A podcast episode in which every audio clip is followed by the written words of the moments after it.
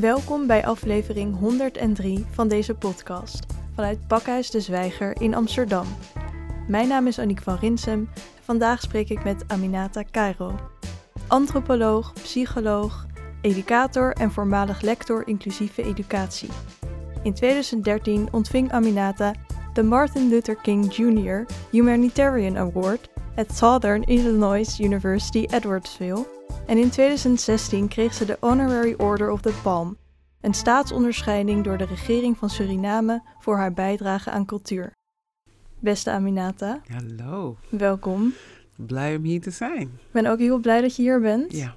Um, je hebt een master in klinische psychologie, Mhm. maar ook een master en PhD in medische antropologie. Ja, dat klopt. Wat houdt medische antropologie precies in? Um, in medische antropologie kijk je dus naar de rol van cultuur als het gaat om gezondheid. Weet je, want uh, je gezondheid, hoe je daarmee omgaat, speelt zich niet af in een vacuüm. En uh, gebaseerd op je cultuur heb je bepaalde gedachten over hoe je met je gezondheid omgaat. En ook het feit dat ons medisch systeem op zich is ook cultureel. Weet je, dus ja, dus dat. Zo heel interessant, want ik denk dat veel mensen uh, de medische wetenschappen en cultuur als twee ja. verschillende dingen zien. Mm -hmm. Maar als je daar dus induikt, is ja, dat helemaal niet zo. Ja, ja, ja, heel interessant. Wat is bijvoorbeeld iets wat je zelf heel boeiend vindt, wat je daarin hebt ontdekt? Nou, bijvoorbeeld als je kijkt, um, meestal begin ik met een introductie met mijn studenten. Um, zeg, er is cholera. En dan kun je kijken op, uh, naar de bacteriën of zo, weet je. Van, van, dat zijn de public health, die kijken naar. Maar je kan ook kijken naar, maar wie wordt er ziek? En waarom worden zij ziek? En waarom worden die andere mensen niet ziek? En ook, en wat gebeurt er met je als je ziek wordt? Um, want dan opeens, als, als iemand ziek is in de familie, dat doet iets met ons allemaal. En hoe gaan we als familie daarmee om? Dus in sommige gemeenschappen word je buiten gesloten. In sommige gemeenschappen word je juist omarmd. Misschien krijg ik juist heel veel aandacht. Dus misschien wil ik wel ziek zijn. Weet je, dus ja, allerlei verschillende manieren. Weet je nog waarom je toen der tijd ooit voor dat vakgebied hebt gekozen? Nou, om, omdat ik, ik had dus, uh, ik werkte als psycholoog, klinische psycholoog. En wat ik zag, ik was getraind om uh, therapeut te zijn op een hele westerse manier. En ik zag dat werkt helemaal niet. Want mensen hebben hun eigen verhaal met hoe ze hier binnenkomen en hoe zij met hun geestelijke gezondheid omgaan. En dat die rol van cultuur heel belangrijk is. Um, weet je, sommige mensen. Dus je wordt, als je als psycholoog word je getraind één op één bijvoorbeeld. Maar sommige mensen doen dat niet in hun eentje, doen dat met hun hele familie. Mhm. Mm -hmm. um, of gebruiken zang, of gebruiken dans, of gebruiken de natuur. Of dus, dus, dus als psycholoog ben ik toen teruggegaan. En was dus heel erg geïnteresseerd naar die rol van cultuur. Want ik zag in het, mijn werk met mensen dat, dat cultuur een hele grote rol speelde. Ik zou daar ook nog heel veel vragen over kunnen stellen. Maar zoals je weet heb ik al te veel vragen. Dus ik ga verder naar de volgende ja. vraag. Um, je werkte een tijd als inclusie-expert uh, en lector bij de Universiteit Leiden en de Haagse Hogeschool. Ja. Um, wat wilde je daar bereiken? Nou, ik bedoel, bij Leiden, ja, je wordt aangenomen. Dus uh, het gaat niet zozeer om wat jij wil bereiken, maar je, vervult een bepaalde positie. En daar was dus echt, uh, was nog een beetje in de, in de beginschoenen. Ik was als ondersteuning, want je hebt een diversity officer die al was begonnen. Als een van de eerste, de eerste in Nederland. Um, ja, als universiteit die daar echt mee bezig was. Van hoe worden wij meer inclusief? Um, en dan... Dus mijn rol was die ondersteuning daarin. En ik richtte me dan voornamelijk op de studenten. En wat zij meemaken als omgeving. Wat betekent dit voor ons? Uh, en hoe verbonden studenten zich voelen aan, aan de universiteit bijvoorbeeld. Maar ook wat hebben docenten nodig om een meer inclusievere ruimte te creëren. En je, en je zegt dus dat er was al een bepaald idee over wat jij daar moest gaan doen. Ja. Um, en in hoeverre strookte dat met wat jij ook zelf wilde doen? En waar dacht je van, dit wil ik eigenlijk doen? Nou, ik bedoel, weet je, er, er liggen beleidsplannen. Um, en, en ja, en daar steek je zoveel mogelijk bij in. Maar um, weet je, het is, het is een, uh, een, de oudste universiteit. Dus heel erg bureaucratisch en hiërarchisch. Um, dus soms werken dingen best wel langzaam. en uh, ja, en ik werkte part-time en het was ook een tijdelijke aanstelling. Nou ja, en toen kreeg ik dus de mogelijkheid om naar de Haagse Hogeschool toe te gaan. En en daar is juist weer heel praktisch georiënteerd. Dus, dus universiteit is vaak erg theoretisch. Uh, en, en alhoewel ze echt wel met dingen aan de slag wilden gaan hoor. Maar bij een hogeschool is het oké, uh, wat is het idee, wat is het plan, let's go. En waar je juist moet zeggen, oké mensen, uh, ietsje langzamer. Oké, dat is wel op zich leuk, toch? Ja, ja, ja. Liever, ja. liever te veel enthousiasme dan te weinig zijn. Ja, ja, ja. Ja, en het, het is niet alleen het enthousiasme dat ontbreekt, hoor. Eh, weet je, want bij Leiden waren ze ook zeer enthousiast en, en zeer toegewijd. Maar het is meer van de uitvoering, hoe mensen daarover denken en over wat mogelijk is. Um, ja, en, en sowieso, het is, een, het is een lastig onderwerp, inclusiviteit. Weet je, niet iedereen heeft een andere mening over wat het is, wat erbij komt kijken. Mensen onderschatten wat erbij komt kijken. Het is niet iets van, weet je, als ik een robot wil bouwen, dan weet ik, ik heb ABCDE nodig, klaar. Maar dit gaat om mensen en om een gevoelig onderwerp waar we heel moeilijk het gesprek over kunnen voeren. Dus hoe gaan we, als we dan niet hierover kunnen praten, Mhm. hoe gaan we er dan mee aan de slag? Weet je, dus, dus om dat uit te zoeken en daarmee aan de slag te gaan en die ruimte te creëren om het oké te maken voor mensen. Uh, oké, we gaan het doen, maar het is wel ongemakkelijk en we gaan het toch doen. Dus uh, ja, dat was wel een mooie uitdaging. En hoe is dat jou gelukt? Hoe is het mij gelukt? Nou, ik, ik denk dat ik een eerste stap heb gedaan.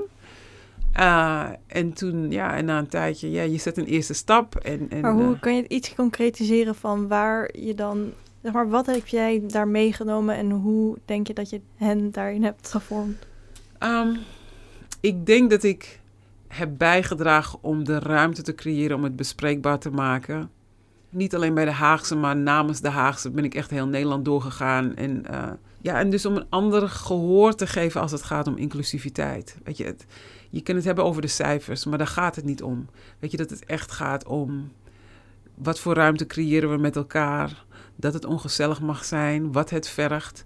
Dus dat probeer ik steeds naar, naar voren te brengen. Ik denk dat ik daaraan een beetje heb bijgedragen bij de Haagse. Uh, maar ook, ja, uh, in Nederland sowieso.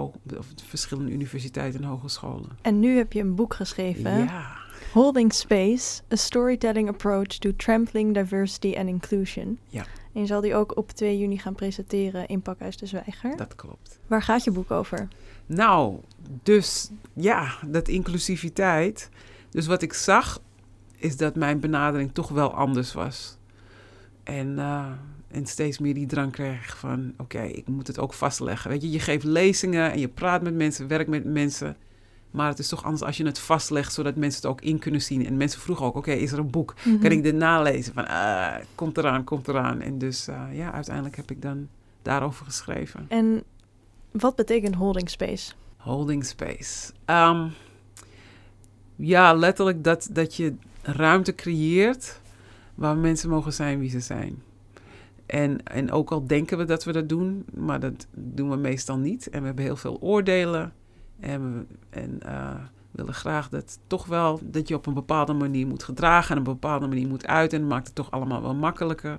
Maar ook vanuit het onderwijs is het idee ook, je wil dat iedereen het beste uit zijn of haar of hun leerervaring kan halen.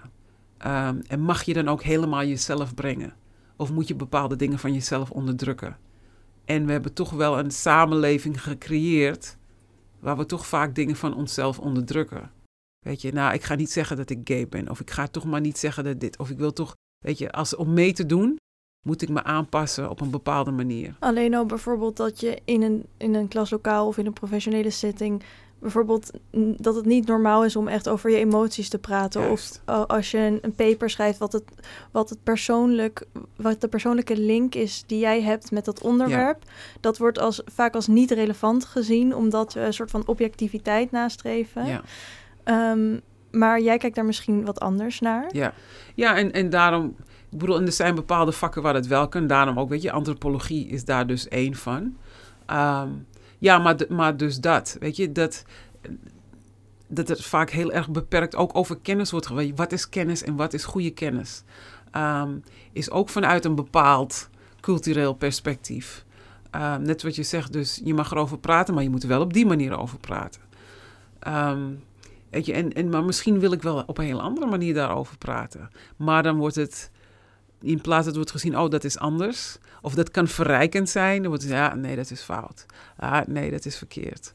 En dat, of dat is minder, of, of dan niet wetenschappelijk, uh, enzovoort, enzovoort. Ja, precies. Want ik denk dat iedereen een beeld heeft van, laten we het even bij Nederland houden, Nederlandse universiteiten en hogescholen, mhm. dat we doen er wetenschap. Dus we gaan kijken naar wat is objectieve uh, kennisvergaring. Ik denk dat de meeste mensen denken van, als er andere kennis wordt aangedragen van een andere hoek, ja. als dat dan uh, goede kennis is, dan zal dat wel uit dat model wat wij hebben, onze wetenschapsvergaring, zal het er wel uitkomen dat het inderdaad goede kennis is en dat dat opgenomen wordt. Juist. Maar volgens mij is dat niet zo. Ja, want je wordt dan toch nog steeds volgens dat bepaalde model beoordeeld. En, en ook dat objectief. Um, tussen, aanhalingstekens. Is, tussen aanhalingstekens. Want bijvoorbeeld, uh, als je onderzoek wil doen, zeg je moet een subsidie krijgen. Iemand bepaalt dat. Weet je, en, en vaak zijn die beslissingen ook heel erg politiek gelineerd. Ik weet bijvoorbeeld in, uh, weet je, toen ik in Amerika zat, een tijdje, weet je, als er een bepaalde oorlog is, oké, als jouw onderzoek over het Midden-Oosten gaat, dan is er geld. Dat is niet objectief. weet je, dus, um, ja, dus, dus wetenschap is helemaal niet zo objectief als dat we doen denken of laten klinken. En, en dat weten we zelf ook. Dus er zijn bepaalde stromingen, bepaalde manieren waarop we denken. En, ja, en om mee te doen moet je ook zo denken. Anders krijg je het geld niet. Anders krijg je geen goede beoordeling. Anders, weet je. Ja, en er dus zijn ook bepaalde uh, manieren van kennisverwerving die als um, niet als kennisverwerving worden gezien, mm -hmm. uh, zoals meer uh, narratieve vormen of kunst, ja. omdat ze ze meer subjectief zijn, bijvoorbeeld. Of omdat ze niet in modellen te vangen zijn. Ja. Um, zou je daar wat meer over willen vertellen? Ja, en nogmaals, kijk, en ik, en ik wil ook niet zeggen dat, dat er iets mis is met wetenschappelijk onderzoek, weet je. Maar waar het om gaat is dat er meerdere vormen, vormen zijn om met kennis om te gaan. Er zijn zoveel verschillende manieren om met kennis. En dus, en het wetenschappelijk is één benadering, maar is ook niet alles toereikend. Um, en dus als het gaat om Um, geef je voorbeeld als het gaat om, om HIV, AIDS. Um, en ik kan nu niet op zijn naam komen, maar is een man, hij is, hij is een arts, maar hij is ook antropoloog. En hij heeft onderzoek gedaan naar, naar AIDS in Haiti. Nou, in AIDS kan je bijvoorbeeld kijken naar, uh, je kan kijken naar de cijfers, hoe vaak mensen komen opdagen om hun medicijn. Weet je, die, die cijfers heb je. En, en, en uh, hoe gehoorzaam mensen zijn met, met het navolgen van. Maar wat je niet meekrijgt is er is een burgeroorlog. Ik moet drie dagen lopen om naar die kliniek toe te gaan. Er wordt geschoten onderweg. Dus ik kan kijken naar de cijfers. Oh, die komt wel en die komt niet op dagen. En dus gebaseerd op de cijfers van, ach, die mensen werken niet mee. En dat is, dat is de data spreekt voor zich. Maar je krijgt niet het verhaal te horen van wat die mensen onderweg meemaken en de opofferingen die ze moeten maken om daar te komen, om die medicijn te krijgen. Hebben ze het geld? Laten ze familie achter? Dus dat is een hele, en, maar dat is hele waardevolle kennis als het gaat om wat voor plan maak ik om mensen te helpen. Dus ik kan niet alleen maar kijken naar het effect van medicijn of, um, weet je, of, of mensen opkomen dagen om die medicijn in te nemen. Um, en dus nogmaals, dus teruggaande naar dat, dat idee van er is waarde, toegevoegde waarde, om naar verschillende manieren van kennisvergaring te kijken. En omdat we zoveel waarde stoppen in die ene manier, en dan meteen ja, maar dat telt minder of dat telt niet echt. Want op zich zou je dus in dit voorbeeld nog kunnen zeggen van er zouden dan bepaalde uh, variabelen in dat model kunnen worden toegevoegd. Maar misschien is het ook dus goed dat we naar de verhalen van mensen gaan luisteren. En wat kunnen dan de verhalen van die mensen toevoegen? Wat, die, wat je dus niet kan bereiken door die extra factoren toe te voegen, ja. zeg maar. Ja, ja, ja. ja, en je ziet nu ook vaker, en, en sorry, mijn, mijn referentiekader is ja, de VS, omdat ik meer ervaring daar heb. Maar je hebt, ziet ook steeds meer en meer mensen die in Congress hun verhaal komen vertellen. Want die mensen krijgen allemaal cijfers en rapporten en verslagen. Maar het is toch anders als je hoort, ja, maar zo leeft het echt, zo speelt het echt. En dan gaat het van ik mag wel of niet kinderen adopteren of, of wat mensen hebben meegemaakt. Dus de cijfers zijn er. Maar wat het echt betekent voor iemand die dat meemaakt. Weet je, jij die beslissingen moet maken over beleid. Je kan niet alleen maar op de cijfers afgaan. Uh, en, en ook cijfers kan je manipuleren. Met cijfers kan je ook zeggen wat je wil. Weet je, en als we het hebben over wetenschappelijk um, helemaal. Weet je, als je ziet. Weet je, en, en, nogmaals, ik wil, ik wil het wetenschappelijke veld niet afkraken, want ik kom er ook uit. Maar als ik miljoenen krijg om een medicijn te maken voor depressie, guess what? In mijn onderzoek ga ik precies al die factoren vinden die, die, door, die, die door die medicijn geholpen worden. Ik bedoel, weet je, dus hoe objectief, soms zoek je ook specifiek naar iets. Kan je dat uitleggen wat je net zei, dat je precies die factoren gaat vinden? Ja, dus, dus bijvoorbeeld je hebt um, een, een, een, een uh, diagnose, de DSM, zal nu al nummer 5 zijn onder andere. Dus in psychologie, want ik kom dus uit de psychologie, heb je dus een boek met allerlei categorieën van, van ziekte met diagnose. Maar die diagnose voor depressie is wel gesponsord door de farmaceutische industrie. En surprise, surprise, al die symptomen die daar staan zijn precies die symptomen die de medicijn kan oh, helpen. Yeah. Weet je, dus op die manier. Um, dus, dus weet je, er worden bepaalde beslissingen gemaakt van wie mag onderzoek doen en hoe wordt het ondersteund en, en, en hoe wordt het gefinancierd.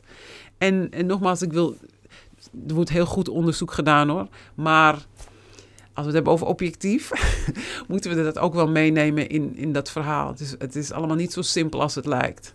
Ja, objectiviteit wordt vaak, uh, dat wordt gewoon aangenomen terwijl er heel veel haken en ogen aan zitten die niet mee worden genomen. En wat ook heel vaak het verhaal is van uh, wetenschap is juist gekomen om al die fabels um, weet je wel, we, we leefden in de tijd van fabels. Toen kwam wetenschap en toen konden we dingen zeker weten. Klopt dat? Nou, het, het heeft ook een, de gedachte erachter is dat er bepaalde wetten zijn. Dus als ik alles buitensluit, dan kan ik erachter komen hoe, hoe die wetten zijn. Maar wij zijn mensen. Leuk. Dat, weet je, dat idee dat er wetten zijn. En ja, en er zijn bepaalde regels hoe dingen werken, maar er zijn altijd uitzonderingen. Er zijn altijd variaties. Dat speelt gewoon altijd. Um, en het is dus ook maar de vraag of er, als het over mensen gaat, echt wetten zijn. Of dat we ze zelf constant aan het maken zijn. Ja, ja en ook, weet je, en wat, waar je zeker van bent in 1963 is heel anders in 1983, is heel anders in 2013, is heel anders, weet je. Dingen veranderen, wij veranderen, we zien dingen anders, we ervaren dingen anders. Uh, en als het gaat om onze lichamen, we bouwen immuniteit op of, of het breekt juist af. Dus, dus dingen leven ook en dingen zijn organisch. Dus zelfs die wetten die gaan maar zo, ja, weet je, ja, die gaan ook maar zo ver. Helemaal als het om, om, om mensen gaat en zo. Ja, jouw boek is ook expliciet een verhalend werk. Ja. Waarom heb je die keuze gemaakt? Omdat ik het toegankelijk wilde maken. Um, ik hou heel veel van de academische wereld, maar het is niet altijd toegankelijk. Um, en dus het was heel erg belangrijk. Ik had iets om te delen. En ik wilde dat het breed gelezen en begrepen kon worden. En um, heb dus expres verhalen gebruikt om bepaalde concepten uh, toe te lichten. En um, weet je, dan moet je ook beslissingen gaan maken over wiens verhaal gebruik je. Ja, ik heb zoveel ervaringen. En je wil ook niet met mensen hun verhaal te koop gaan. Dus het werd meer en meer autobiografisch. Ik heb wel een aantal verhalen erin hoor, van anderen. Maar um, er zijn wel veel verhalen over mij. En soms denk ik, oeh, dit is wel een heel persoonlijk verhaal. Maar ja, uh, het moet maar zo. Want ik wil niet iemand anders zijn verhaal... Uh, of haar verhaal of hun verhaal... Uh, ja, dat, laten zien. Dus ja je hebt al een aantal lezers gehad en die bespreken dan hun ervaring met het lezen ook in je eigen podcast. Ja. Um, wat heb je teruggekregen tot nu toe van de hmm. lezers? Um, waar ik heel blij om was dat ze zeggen dat het toegankelijk was. Um, ja, dat het duidelijk was, gemakkelijk te begrijpen. En dat waren allemaal dingen van yes, daar werd ik helemaal blij mee. want dat was ook de bedoeling. Um, maar ja, maar het mooie is ook om te horen. Ik wil, ik wil, het doel van het boek was ook. Ik wil niet alleen dat mensen het lezen zodat ze mij begrijpen. Maar je wil iets lezen zodat het iets kan bijdragen aan de discussie. Um, en dat zag ik wel. En een van de dingen waar ik ook blij mee was, weet je, dat, dat, het erg, dat erg open en inclusief was. Dus dat ik ook vaak de nuance probeer te brengen. Of, of weet niet alleen maar van één perspectief, maar ook dat je in moeilijke onderwerpen op verschillende manieren ernaar kan kijken. En sowieso is het vaak. Uh, soms het probleem met antropologen. Weet je, vaak willen mensen, ik wil of dit of dat. En antropologen kunnen op, op vijf verschillende manieren naar iets kijken. Ja, maar als je het zo dan kijkt, ja, maar zo, ja, maar zo, ja, maar zo. Weet je wat, dat is wat we doen. Weet je, op verschillende manieren iets belichten. en wat Ehm, denk je dat dat toevoegt om het op verschillende manieren te belichten? Omdat we soms dingen zo simpel willen maken. Weet je, en, en mensen klagen heel veel van hoe, hoe gepolariseerd alles nu is. Dus of je bent voor of je bent tegen, nou, niet noodzakelijk. Misschien zit ik er zo en zo en als, als het hierom gaat en zo en zo. En ik kan dit, dit standpunt kan ik begrijpen, maar dit standpunt kan ik ook begrijpen. En dan zit je er al anders in en dan verlies je die verbinding niet. Want wat er met polarisatie gebeurt, is vaak dat we dan die verbinding met elkaar verliezen. Weet jij begrijpt me niet, je bent niet met me eens, dus wil ik niks met je te maken hebben. Maar hoe kan ik toch een verbinding vinden van, oké, ik ben niet met alles met je eens, maar dat, ja, dat kan ik toch wel inzien. Of ja, daar kan ik me toch wel in vinden. Dus mensen een beetje aanmoedigen, eh, weet je, om een beetje breder te kijken. Wat ik zelf altijd een mooie metafoor vind, is stel er staat een object tussen ons in.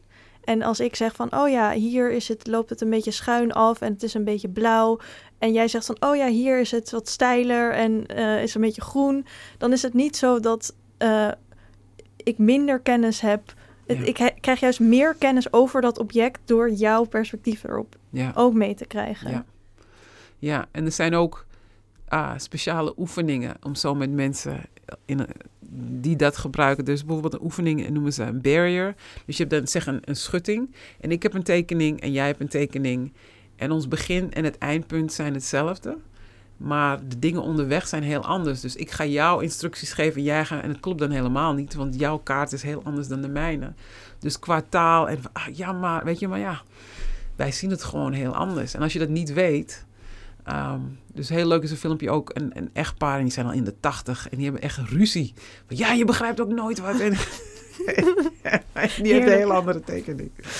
Dus, eh, dus Ja. ja. het is zo mooi dat we toch, nou ja, het is eigenlijk ook niet zo mooi dat we toch de hele tijd weer moeten her, ons herinneren dat iedereen gewoon anders is. Dat ieder mens anders naar de wereld kijkt. ja. Ja. en daar ruimte voor maken. En ook het feit. Weet je, maar, maar ook dat gebeurt be- in, binnen een bepaalde context. Weet je, er is wel een context waarvan we hebben gezegd. bepaalde verhalen zijn meer waard dan andere. Weet je, en dat is. Weet je, dus dat we veel verschillende verhalen hebben is één ding. Maar ook nog binnen die verhalen hebben we een paar waarvan we zeggen: ja, maar dit is natuurlijk waar. En dit geldt natuurlijk. Hetzelfde ook met weet je, het wetenschappelijk onderzoek. Ja, maar natuurlijk telt dat als het meest belangrijke. Hoezo? Waarom? Hangt helemaal af van de situatie, van wat je wil doen. Dus hoe. En, en, en die ongelijkheid doet iets met ons. Die ongelijkheid draagt bij aan die polarisatie. Die ongelijkheid draagt bij aan frustratie en, en al dat soort dingen. Waarom denk je dat wetenschappelijke kennis of onderzoek als meer wordt gezien dan bijvoorbeeld kunst of verhalen? Nou, dat heeft te maken ook met een bepaalde geschiedenis. Ehm, weet je, en, en nou ja, dus nogmaals, ik kom uit de medische antropologie, dus medisch voorbeeld. Ehm, als je kijkt naar de ontwikkeling van, van medicijn, uh, er was een tijd dat je allerlei verschillende soorten manieren had om met je gezondheid om te gaan. En dus je had, um, dus zeg maar met kruiden, en je had die mensen die met, uh, met botten werkten, en je had mensen dan weer met medicijn. En, en vanuit al die verschillende, die best wel gelijkwaardig waren, is dus één is naar boven gerezen. En dat ging dus gepaard met, uh, eerst met de, de, germs, weet je. Ook zijn achter germs gekomen. En dan heb je de Tweede Wereldoorlog, heb je inentingen. En dat werd meer en meer belangrijk. Uh, maar dat ging ook weer hand in hand met kapitalisme. Dus in plaats dat ik kijk bijvoorbeeld naar hoe is jouw leefomgeving, heb je schoon water, heb je goede huizing.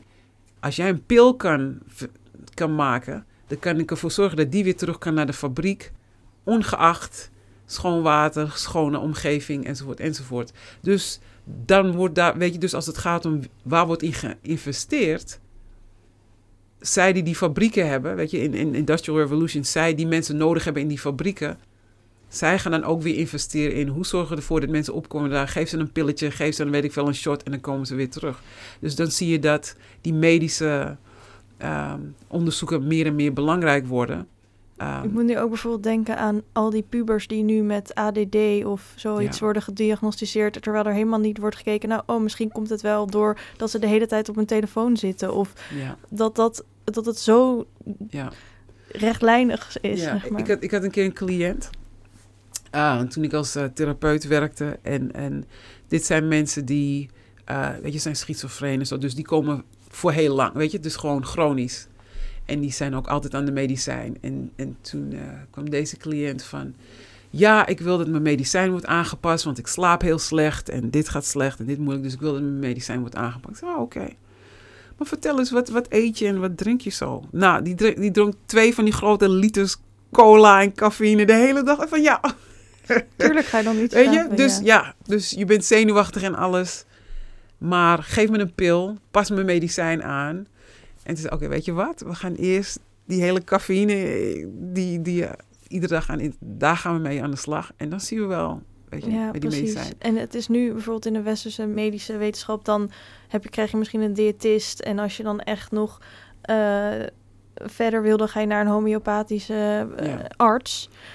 Maar de norm is inderdaad een pilletje of Weet je, maar ja, dus dat, dat holistische van wie zijn we als mensen en, en wat, eh, ja, en wat er allemaal bij komt kijken. Even terug naar je boek. Ja. Ehm, je behandelt verschillende thema's. Mhm. Ehm, zou je alvast een tipje van de sluier willen oplichten over Hmm. welke dat zijn? Nou ja, ik, ik begin dus, net wat ik zeg over dat idee van, ik noem het dominant en de ander. Dat is echt wel de basis.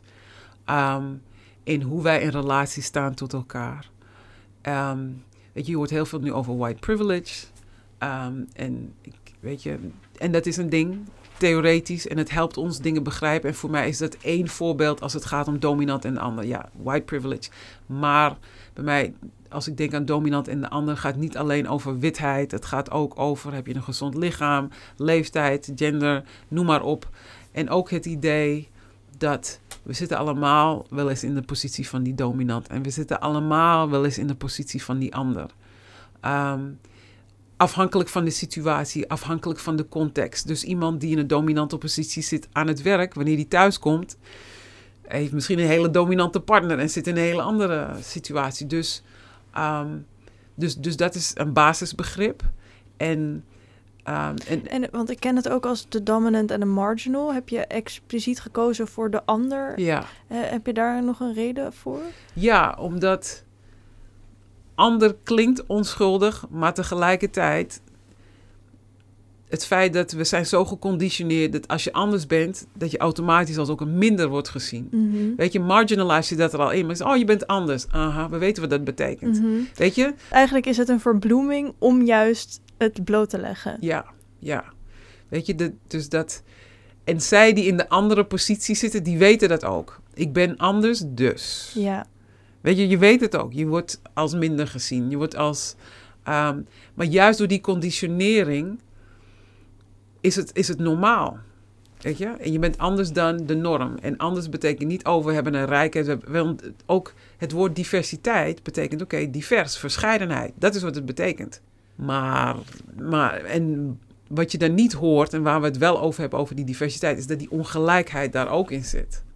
Weet je, dat altijd die context is. En dus vaak hebben mensen, oh, we moeten verhalen uitdelen, want we hebben verschillende verhalen. Ja, ja, ja. Maar er is wel een context dat sommige verhalen meer gewaardeerd worden dan anders. Weet je, als belangrijker worden gezien dan andere. denk je dat iedereen ehm, ervaringen heeft met de ander zijn? Of dat er ook mensen zijn die daar misschien niet zoveel ervaringen mee hebben? Minder, maar ja, ik, net wat ik zeg, ik denk dat we allemaal, ehm, weet je, en, en, ja, en vaak kijken van, oh, weet je, van, oh ja, witte mannen. Maar ik bedoel, ik heb ook op een gewerkt waar we vier vrouwen hadden en één man. En echt wel dat hij als anders werd behandeld, weet Ja. je?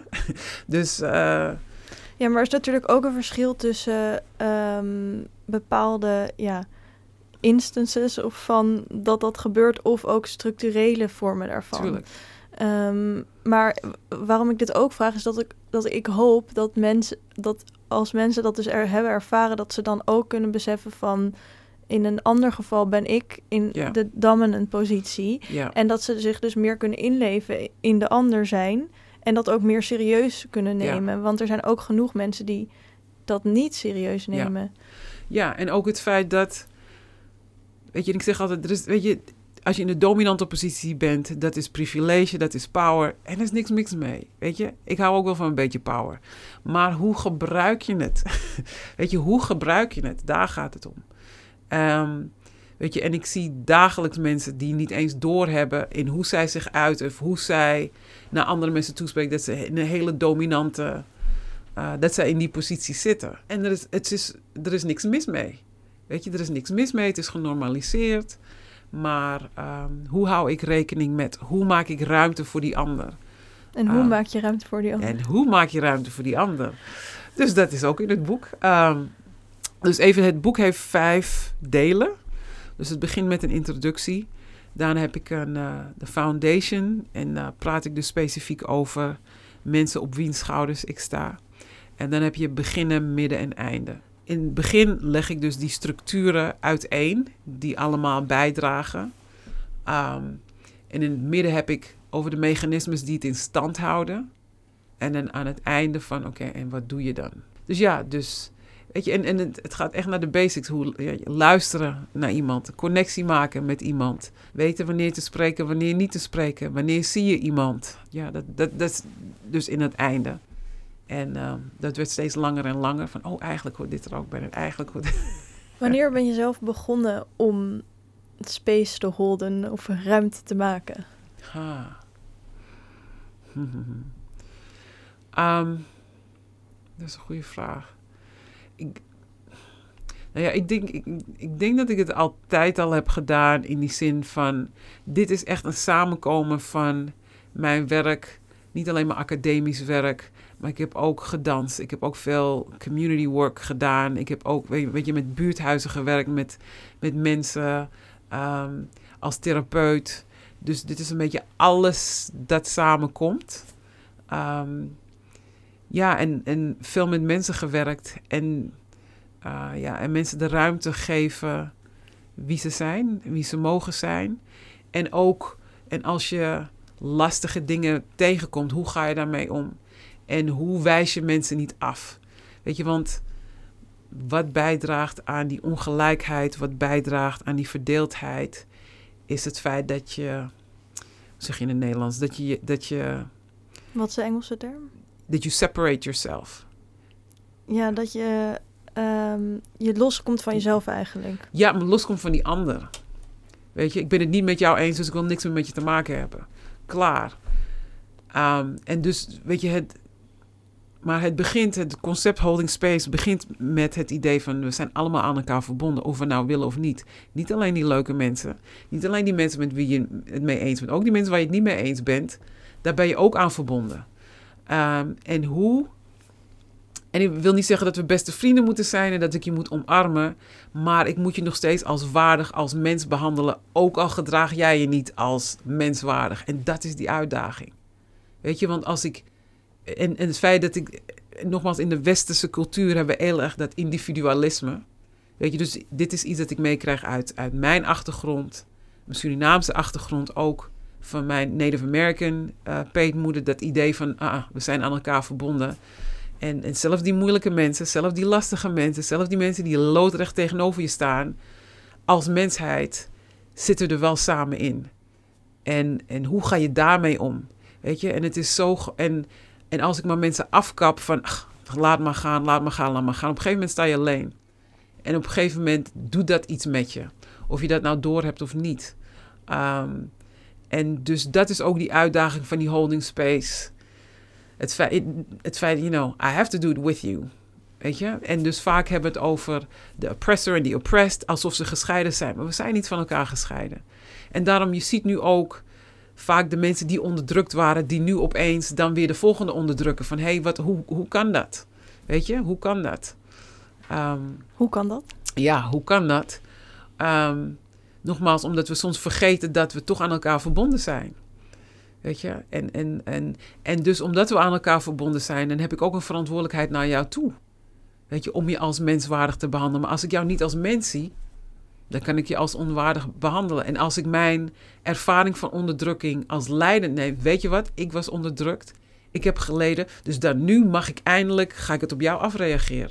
Ik heb nu twee vragen, maar eerst nog heel even terug. Want ik vroeg Mhm. je in eerste instantie wanneer je ermee was begonnen. Wanneer ik mee was begonnen. Ja, dus ik zeg, ja, dus al, net als zeggen, het is het samenkomen van, van tig jaar van al het werk dat ik heb gedaan. Ik denk, is er een periode in je leven geweest dat je misschien nog jonger was, dat, je, dat, je, dat er ook een soort van frictie was, dat je, dat je misschien al wel meer die space wilde innemen, maar of is het altijd echt helemaal natuurlijk gegaan? Nou, ik bedoel, het is een beetje organisch en, en weet je, je maakt dingen mee en ehm, je loopt tegen dingen aan. Ik bedoel, ik ben op mijn achttiende uit Nederland weggegaan. En dan ga je van Amsterdam naar Berea, Kentucky. De foothills of Appalachia. Weet je, ik heb drie dagen gehuild van, oh mijn god, wat heb ik gedaan? Waar ben ik terechtgekomen? Eh, en- Waarom ben je daar toen heen gegaan? Ehm, avontuur, maar ook omdat ik weg wilde uit Nederland. Ehm, Waarom om- wilde je weg uit Nederland? omdat ik me hier nooit helemaal thuis voelde. Eh, weet je, maar ik heb een broer die zich, hetzelfde gezin en die zich wel helemaal thuis voelde. Maar ik voelde me hier nooit thuis. En, ehm, en dus, Kon, kon je dat plaatsen? Kan je dat nu plaatsen waarom je niet thuis voelde? Of misschien nog voelt? ja. Kijk, in, in Amerika is iedereen een immigrant. Weet je, is the land of immigrants. Nederland is een land met immigranten. Dus je wordt altijd eraan herinnerd dat je er toch net niet helemaal bij hoort. Weet je, je bent hier geboren, maar nog. En waar kom je vandaan? En oh my god, nog steeds. Weet je, en, en ik heb het gehoord, ik ben 55, maar de jonge mensen horen het nog, steeds. Ja. Weet je, van oké, we zijn nog steeds daar. Weet je, dus je bent Nederlander, maar toch echt nooit niet echt. In Amerika, er is niemand die mij zal bevragen over mij. Of, oh, of course you're American. Weet je? Dus, dus dat. Dus dat was wel een verademing. Ehm, ja. Ja. En toen, ik zit even te denken waar we waren gebleven. Want je bent toen daarheen gegaan en Ja. het had iets te maken met space innemen. Ja. Oh ja, en, en ja, dus, dus je gaat op jonge leeftijd weg en je hebt bepaalde ervaringen. Ehm, en ik bedoel, het heeft ook te maken met, met jezelf vinden. Ik bedoel, ik voelde me in Nederland nooit thuis. Als ik in Suriname was, dan ehm, je voelde je wel een beetje thuis, maar ook niet echt. Dus je bent altijd zoekende. Weet je, van waar hoor je dan wel thuis? Ehm, en dan op een gegeven moment toen was ik op mijn, op mijn dertigste, ik was in Amerika en dus voor mijn onderzoek, voor mijn PhD-onderzoek, eh, ben ik twee jaar lang naar Suriname geweest. Dus voor het eerst in Suriname gewoond. En dat was echt een, een beetje het thuiskomen van wie ik ben. Want daar kwam ik full circle. Want altijd heb je iets van, oké, weet je maar, ik, mijn Surinaams is niet goed genoeg en ik weet dit niet genoeg over Suriname. Eh, en toen was ik opeens cool, want ik was Amerikaans. Van, wacht eens even. Daarvoor heb je het Ja, gedaan. weet je, toen was dus maar om echt dat het niet uitmaakte. Weet je, van ja, en ik ben Amerikaans, en ik ben Nederlands, en ik ben Surinaams. You deal with it. Weet je, ik ben oké met alles wat ik ben. Er zijn dingen die ik mee heb gekregen uit Nederland. Er zijn dingen die ik mee heb gekregen uit Amerika. Er zijn dingen die ik mee heb gekregen uit Suriname. En het mag er allemaal zijn. En als jij er een probleem mee hebt, is het jouw probleem. Dus ik denk dat daar echt het begonnen is. Dus misschien begint het eerst met holding space for yourself. Weet je, I'm okay, just fine. Want je bent altijd, ach, ik ben niet, dit is niet goed genoeg, dat is niet goed genoeg. Nu, you know what, I'm fine. Met alles. En want wat ik in Suriname heb gemist, heb ik in Amerika wat meegekregen. Wat ik in Nederland heb gemist, heb ik uit Amerika wat meegekregen. Dus, en dat alles draagt bij aan wie ik ben. En dus, dus geen excuses te maken voor wie ik ben. En uh, ik spreek niet vloeiend Surinaams. Ik kan het verstaan. Ik kan het een beetje praten. Ik spreek niet vloeiend. Oh well. Uh, mijn Nederlands is ook niet meer 100%. Mijn vriendin lacht me uit. Ze zegt, ik praat, ik praat Nederlands van de jaren 80. Oké, whatever. Weet je, en it's, it's all in me. En het het is allemaal oké. Okay. Dus daar begint het mee. Weet je, dus eerst dat je bij jezelf komt van... I can be, I'm, I'm fine. En ik mag zijn wie ik ben. Um, en dan van daaruit, ja, dan werk je met andere mensen. Maar het is dus ook zo dat we, we, we staan niet los van elkaar, zeg Ja. maar. Dus, dus hoe, hoe kan je dan oké okay zijn met jezelf, Mm -hmm. Toch, in, toch meenemende dat we Ja. allemaal met elkaar verbonden zijn. Dus dat je kan dan niet alleen met jezelf, alleen met jezelf oké zijn. Nee, nee, nee, niet alleen, maar, maar daar begint het wel. Weet je, want ook als ik dat uit kan dragen, dan kan ik daarmee ook ruimte creëren voor iemand anders. Weet je, mensen die, mensen die ongelukkig zijn met zichzelf. ehm, weet je, ik zeg altijd, mensen die, die blij zijn met zichzelf, die gaan iemand anders niet in elkaar slaan. Weet je, of, of, of iemand anders huis in de fik steken of iemand beroven. If, you know, if you're fine, if you're good with who you are, dan wil ik ook alleen maar het beste voor jou. En, ehm, en, en van daaruit gaan, maar als ik onzeker ben over mezelf, dan ga ik ook nu, ja, maar die wil zeker mijn plaatsje innemen. En weet je, dan krijg je dat al. En, en dat wantrouwen. En dat heeft weer effect nogmaals op hoe we in relatie staan tot elkaar. En ook hoe je omgaat met die ongelijkheden. Jij denkt misschien dat ik gemarginaliseerd ben. But I know I'm great. I'm wonderful. Dus, you know, is jouw issue. Dus schuif opzij zodat ik mijn ding kan doen. Ehm, weet je? En, en, dus dan zit je er ook anders in. Denk je dat holding space voor ehm, de dominant en rol en the other rol anders zijn? Ehm, nee, nee, nee, nee. Het, het, weet je, het, wat het vergt, wat erbij komt kijken, dat, dat, want ook omdat ik zeg, we zitten allemaal wel eens in die dominante, we zitten allemaal wel eens in die andere positie. Ehm, maar wat voor keuzes maken? Hoe ga je ermee om? Hoe houd je rekening met? En niet alleen rekening met die ander, maar ook voor jezelf. Je mag ook zeggen van, weet je wat, dit is, dit is my space. En jij staat nu op het punt om mij pijn te doen van, ah, ah, ah, ah, tot hier en niet verder. Weet je, dat, dat, dat recht heb ik ook. En dat, dat, weet je, dat is ook belangrijk dat je dat inneemt. Dus, dus de vaardigheden op zich are for all of us. Ja. Ook wel heel mooi dat het in welke positie je ook bevindt of waar je je ook bevindt, dat als je oké bent met jezelf, dat het dan oké is. Ja. Ja. Weet je, en ook, en, maar, ook, maar ook dat idee van zelf, en het komt ook weer uit mijn achtergrond, ook het idee van zelf is niet een individuele zelf. Weet je? Wij zien onszelf als meervoudig. Weet je, ik, ik, je ziet mij als één persoon, maar ik ben verbonden aan mijn voorouders en de natuur. En dat allemaal draagt bij aan wie ik ben. En daar kan ik ook uit putten. Weet je? Ja, want ook als we dan weer teruggrijpen naar een soort van westerse ideeën, dan heb je ook heel erg dat individualisme Juist. van je moet het allemaal zelf doen. Juist. Maar dat is niet wat jij Nee, bedoelt met je moet zelf oké zijn. Juist. Maar wat is het dan wel? Ja. Dus nou net wat ik zeg, weet je, dat ik, ik, ik ben meervoudig, eh, de- weet je, me, myself en I, me, myself en en mine. Ehm, weet je, maar in, in Jamaicaans zeg je I en I, ik en mijn hogere zelf. Of, of in het Surinaams heb je ook uitdrukkingen ehm, waar je in het zelf naar het meervoud, en misreef, weet je, al, al, ik en al die delen van mezelf. En in Suriname is het ook normaal om te zeggen van, oh, heb je het moeilijk? Begin met jezelf te praten. Weet je, gooi een beetje water, want jij weet misschien niet wat, wat de fout is. Maar die dingen die met je lopen, die weet wel wat er is. Dus wees stil, brand een kaarsje, gooi wat water en dan komt er wel iets. Weet je, en, en, en al geloof je dat niet, maar gewoon het feit dat je even de tijd neemt, ga naar binnen en opeens krijg je een antwoord, opeens krijg je een ingeving en opeens zeggen, oké, nou ja, dat is toeval of wat dan ook. Of als je dat van een spiritueel ding wil zien, maar het idee van je hebt bronnen waar je uit kan putten, waar je aan verbonden bent. Weet je, je hoeft het niet allemaal te weten. Ehm, weet je, en, en dat je toegang hebt daartoe. En, en als je om hulp vraagt, weet je, opeens komt het wel. Ik, ik weet ook toen ik, helemaal toen ik als therapeut werkte, vooral die eerste sessies, het is altijd weer van, oeh, spannend. Want iemand gaat zijn of haar of hun verhaal met jou delen. En kan ik die persoon helpen? En weet je, er zijn tijden dat je echt zo van, oké, eh, helpen jullie me nu? Want ik heb geen idee wat ik nu moet doen. En altijd komt er toch iets, er komt toch een antwoord, er komt toch iets dat je moet doen. eh, waar je uit kan putten. Want ik zit hier niet alleen. Weet je, en ik hoef, ook, ik hoef nu ook niet in mijn eentje al antwoorden te hebben.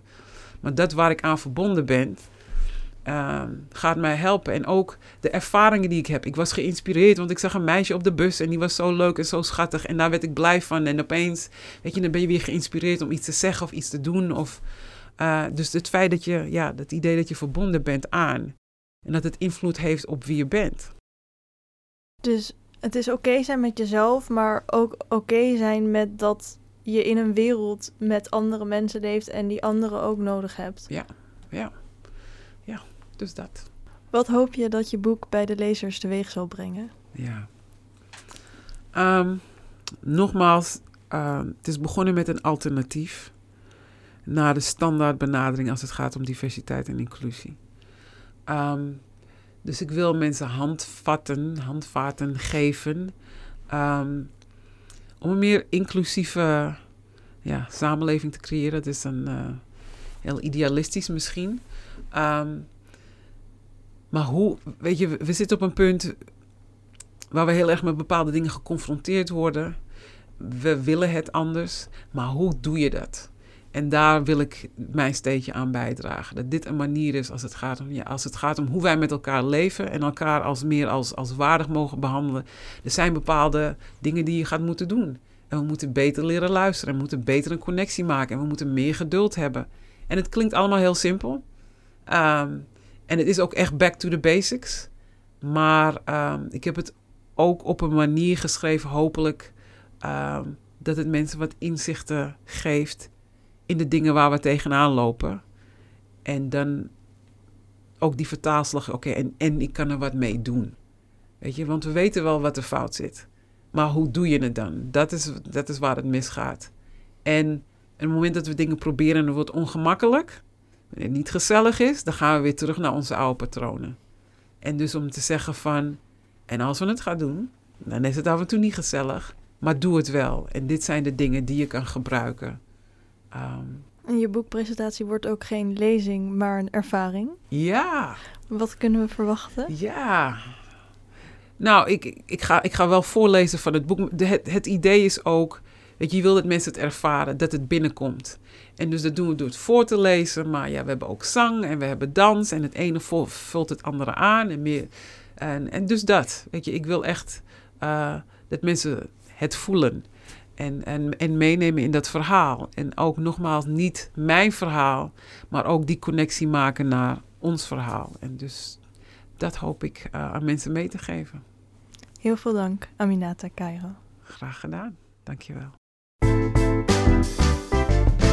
Beste luisteraars, dit was aflevering 103 van de podcastserie van Pakhuis de Zwijger. De arts en antropoloog waar Aminata het in deze podcast over had, is Paul Farmer. Wil je meer weten? Kijk dan op woensdag 2 juni om half negen naar Holding Space via dezwijger.nl slash live. Een rating achterlaten of je abonneren op deze podcast kan via Soundcloud, Spotify, Apple Podcast of een ander podcastplatform. Dank voor het luisteren en tot de volgende keer.